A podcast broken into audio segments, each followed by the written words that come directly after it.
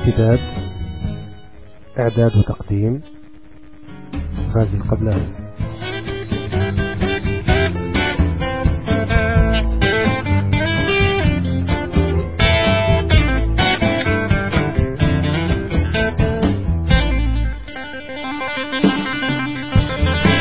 مرحبا بكم في الحلقة السادسة من برنامج امتداد. امتداد برنامج ثقافي متنوع يبث بواسطة تقنية ال podcasting أشكر كل المستمعين والأصدقاء الذين إما بعثوا بتعليقاتهم عبر المدونة أو اتصلوا هاتفيا ليقدموا الدعم والمقترحات من أجل استمرار تقديم هذا البودكاست. فشكرا للجميع. في هذه الحلقة نقدم رواية الكاتب البريطاني ألين هولينغ هيرست خط الجمال والتي فازت بجائزة بوكر العام 2004 ثم نعرض لجولة آه، تمت في منطقة آه، شرق لندن آه، لزيارة معالمها الثقافية والفنية مركزين على متحف تيت للفن المعاصر. كما نقرأ قصيدة مترجمة عن الإنجليزية للشاعر الأمريكي ذو الأصل العربي جوزيف لورنس. وقبل البدء ننطلق مع هذه الأغنية للمطربة البريطانية كورين بيلي راي بعنوان Put Your Records On.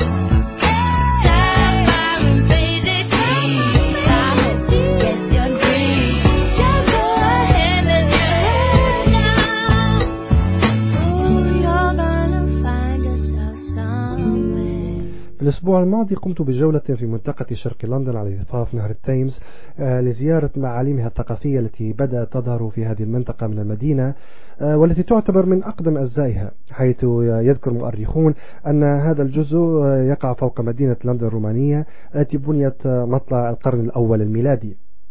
إذا تعالوا معي الآن لننطلق في هذه الجولة.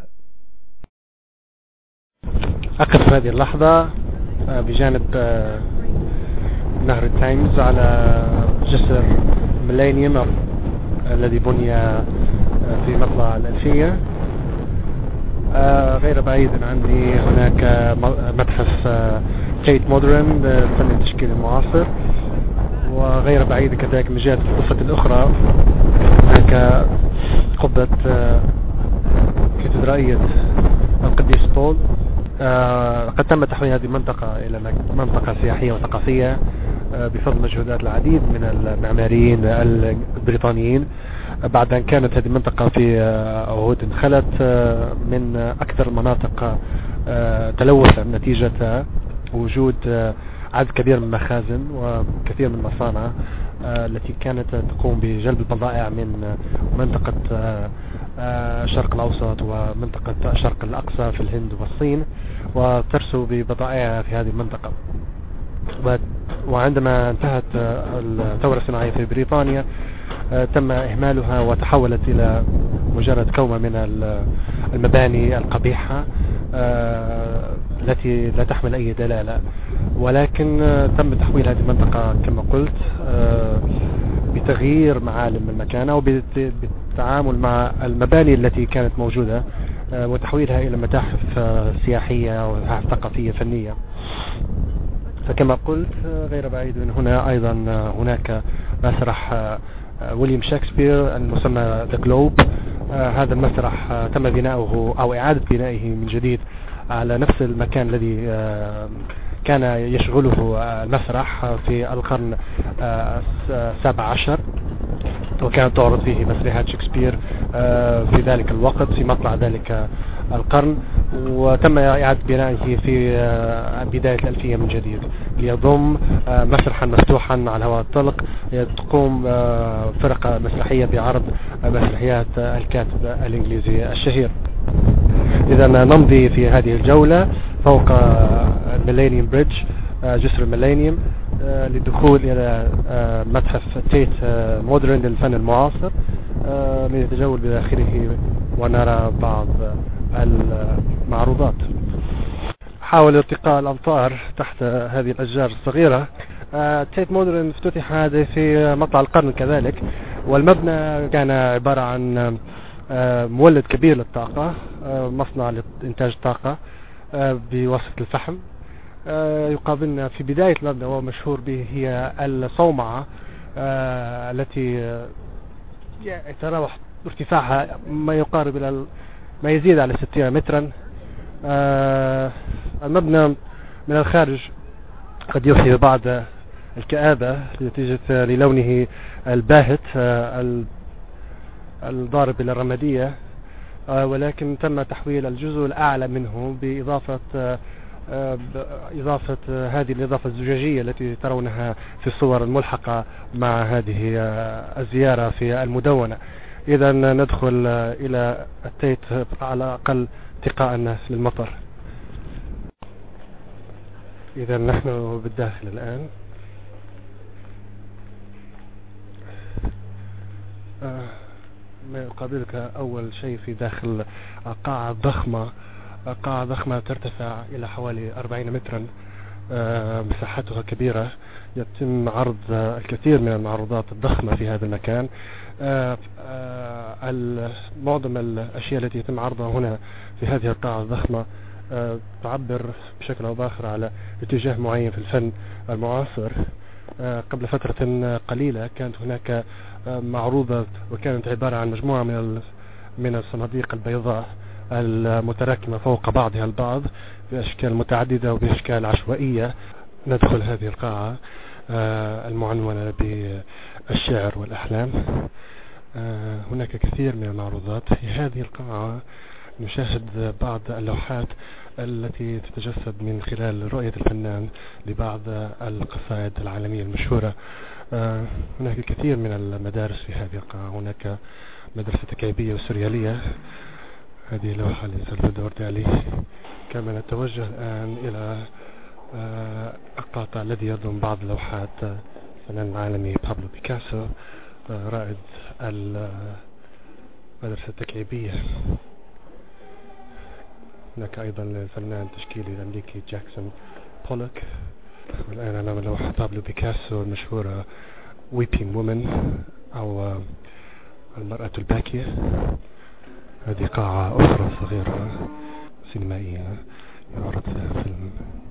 سينمائي بالأبيض والأسود نصعد الآن إلى الدور الرابع. الآن نقف الشرفة التي تقع في الدور الرابع. مواجهة لنا الآن كاتدرائية القديس بول و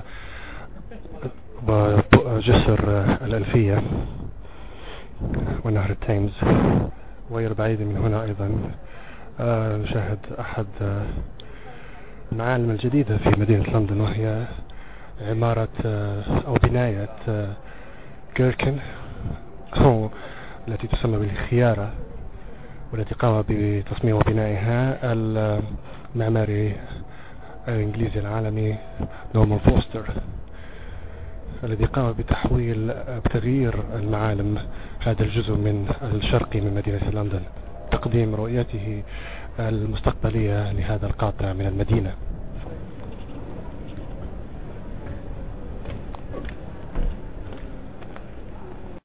إذا بعد هذه الجولة المختصرة والسريعة آه، لتيت مودرن أنا الآن أجلس آه، على الشرفة الداخلية التي تطل على القاعة الرئيسية الكبرى. آه، هذه مجرد بداية. قد نقوم بزيارات أخرى هذه المنطقة من المدينة. قد نزور بعض المتاحف الأخرى التشكيلية. نلتقي قريبا في جولة خارجية قادمة. إلى اللقاء.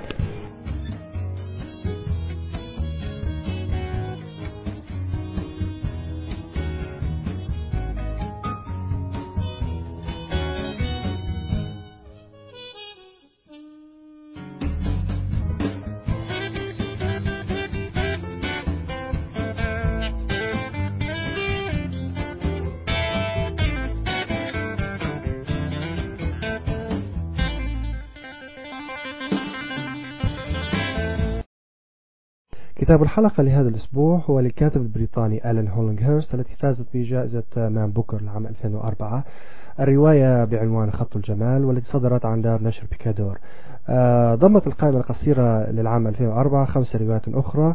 آه، هي فاكهة مرة للكاتب الجنوب أفريقي أحمد دنجور آه، مايكل أنجلو الكهربائي للكاتبة البريطانية سارة هول. أطلس الغيوم للكاتب الإنجليزي ديفيد ميتشل. السيد للكاتب الإيرلندي كولوم تيوبن. وسأذهب للفراش عند ظهيرتي للكاتب الإنجليزي جيرارد وودورد.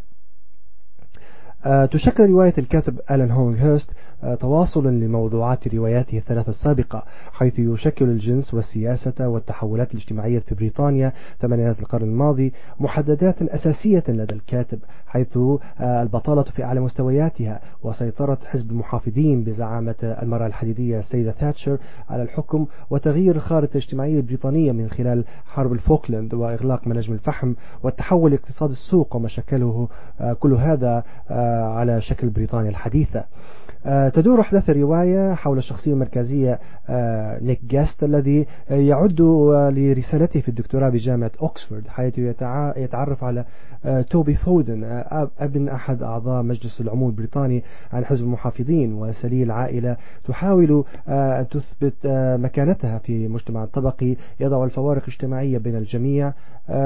من خلاله يجد نيك نفسه في منزل العائلة الكبير في ضاحية كنزكتون الراقية في مدينة لندن وينغمس في حياة هذه الطبقة من السياسيين الجدد والتي آه، يجد مثالها عضو البرلمان جيرالد فودن والذي يسعى الوصول لقمة هرم السلطة من خلال العمل للحصول على وظيفة وظيفة آه، كوزير في التشكيلة الحكومية الجديدة. كما أنه يسعى لأن يكون من المقربين للسيدة تاتشر والتي تظهر كأحد الشخصيات الثانوية في الرواية. آه، وبينما يغرق باقي أفراد العائلة في تحقيق طموحات وهمية مثل تلك التي يسعى حزب المحافظين لتحقيقها بإخراج آه، بريطانيا من ظلمات مداخل مناجم الفحم ومصانع الغزو والنسيج التي إلى بلد يعود آه، إلى أمجاد الاستعمارية القديمة في فترة الدكتورية في القرن التاسع عشر.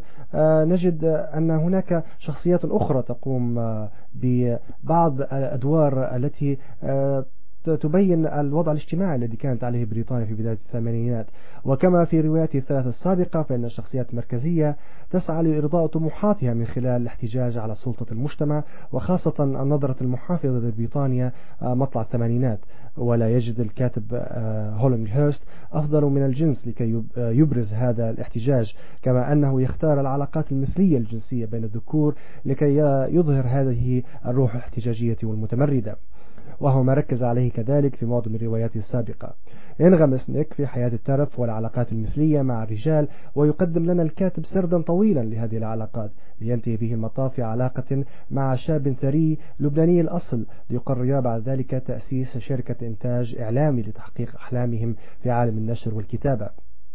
الرموز والدلالات التي تحملها صور الجنس المثلي بمدينة لندن ومحاولة نيك وشريكه اللبناني الأصل تحقيق النجاح في مشروع تجاري آه، تعبر عن حالة المجتمع البريطاني في عقد الثمانينات الماضي والتي تمثلت في مشاريع الفاشية للحكومة والتحولات الديمغرافية والاجتماعية التي نجمت عن سياسة تطوير بريطانيا. إلا أن مفاجأة هذه المشاريع أنها كانت واجهة لتمرير سياسات أخرى وهو ما حدث مع شركة الإنتاج التي أسسها نيك آه، والتي كانت مجرد واجهة لتهريب وبيع مخدر آه، الكوكايين. وفي نهاية المطاف يصاب جميع عشاق نيك بمرض فقدان المناعة الإيدز وهو ليس دلالة على الخطيئة وإنما على اللامبالاة التي تسم المجتمع في تلك الفترة متطورة وقد تكون رواية خط الجمال رغم من طولها الذي يبلغ 501 صفحة تركز على المثلية الجنسية والمشاهد المثيرة إلا أن كل هذه الملاحظات سرعان ما تتبخر في خضم الأحداث المتسارعة والمتعددة لفصول الكتاب. أو كما قد نستدل كذلك أنها تشبه مخدر الكوكايين آه، كلذة عابرة سرعان ما تنتهي بالتصادم مع الواقع اليومي والمعاش.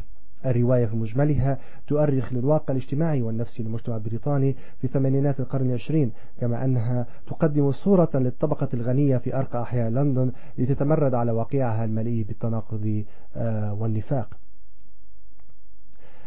ولد ألان هولنج هيرست العام 1954 بمدينة سترود في شرق إنجلترا وأكمل دراسته الجامعية بكلية ماجدلين بأكسفورد. عمل ضمن هيئة تحرير ملحق التايمز الأدبي المرموق منذ العام 1982 وحتى العام 1995 آه، صدرت روايته الأولى العام 1988 بعنوان مكتبة حوض السباحة والتي تقدم وصفا دقيقا لحياة المثليين في لندن في مطلع الثمانينات. تبعتها روايته الثانية العام 1994 النجمة المطوية والتي وصلت إلى القائمة القصيرة لجائزة بوكر لذاك العام وفازت بجائزة جيمس تيت بلاك والتي تعرض والتي تعرض فيها إلى هوس معلم بتلميذه ذي السبعة عشر ربيعا. وهي الرواية التي قورنت بكتاب توماس مان موت في البندقية. روايته الثالثة السحر العام 1998 تواصل عزفها على أوتار المثلية الجنسية من خلال علاقات متشابكة تلعب فيها المخدرات وحياة لندن الليلية دورا أساسيا. كان ألان هولنج هيرست ضمن قائمة أفضل الروائيين البريطانيين الشباب للعام 1993 والتي تنشرها مجلة جرانتا الثقافية كل عشر سنوات. تركز روايته على ثيمتين أساسيتين هما الجنس والفن. كما أنها كما أنه تأثر بكتابات توماس مان وأوسكار وايلد ونابوكوف آه، كما أن الروايات الأولى مكتبة حوض السباحة اعتبرت أفضل رواية تعبر عن واقع المثليين الجنسيين في بريطانيا مطلع الثمانينات قبل آه، عهد ظهور مرض الإيدز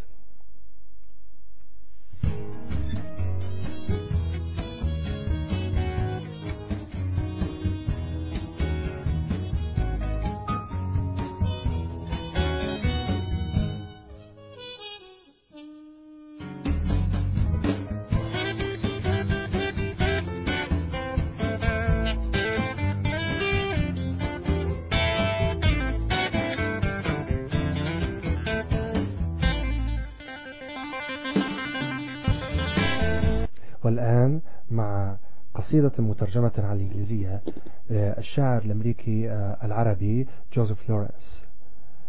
ولد جوزيف لورنس العام 1948 بديترويت بولاية ميشيغان الأمريكية من أسرة من المهاجرين اللبنانيين. تخرج من جامعة ميشيغان ودرس الماجستير بجامعة كامبريدج. يكتب المقالات والشعر. صدر له أمام عيوننا العام 1993 سيرة ذاتية العام 1988 آه، الصراخ على لا أحد العام 1983 تحصل على العديد من الجوائز والمنح.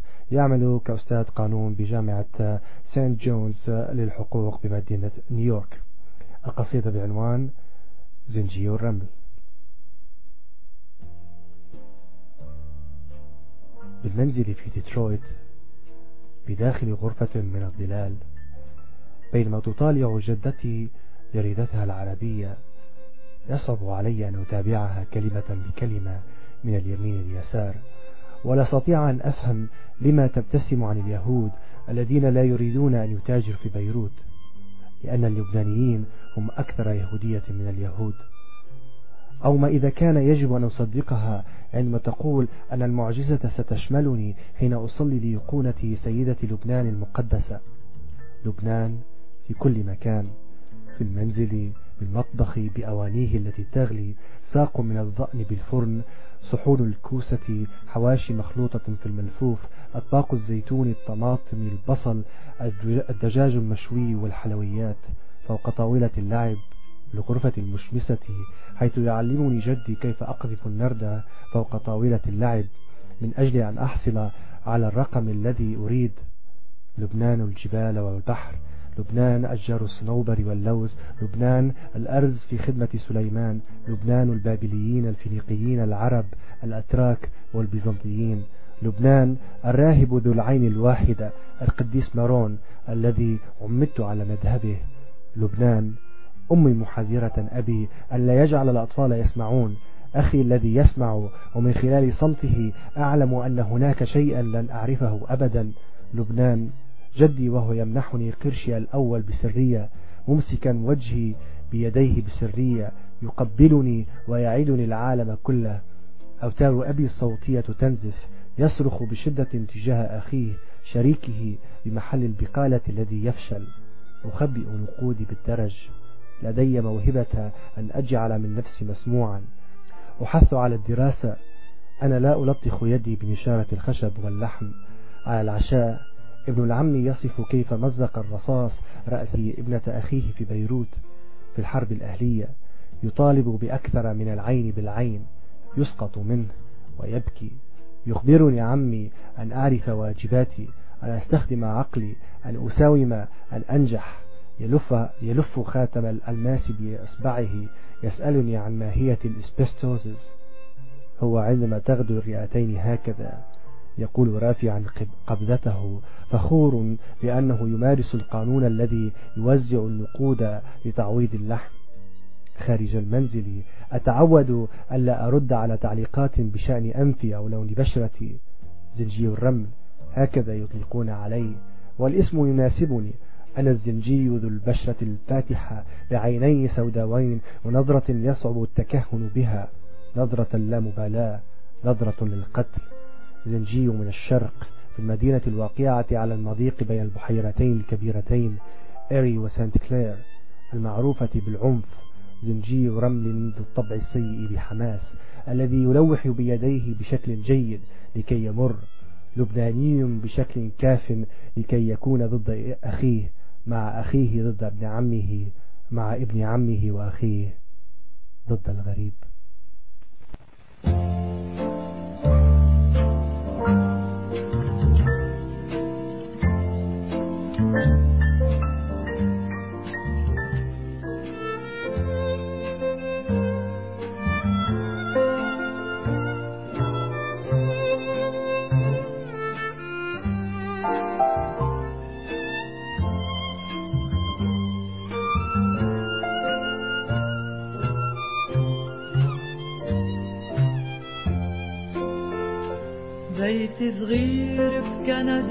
ما بيعرف طريق وحدا أرميد مغطى بالثلج وكل المال.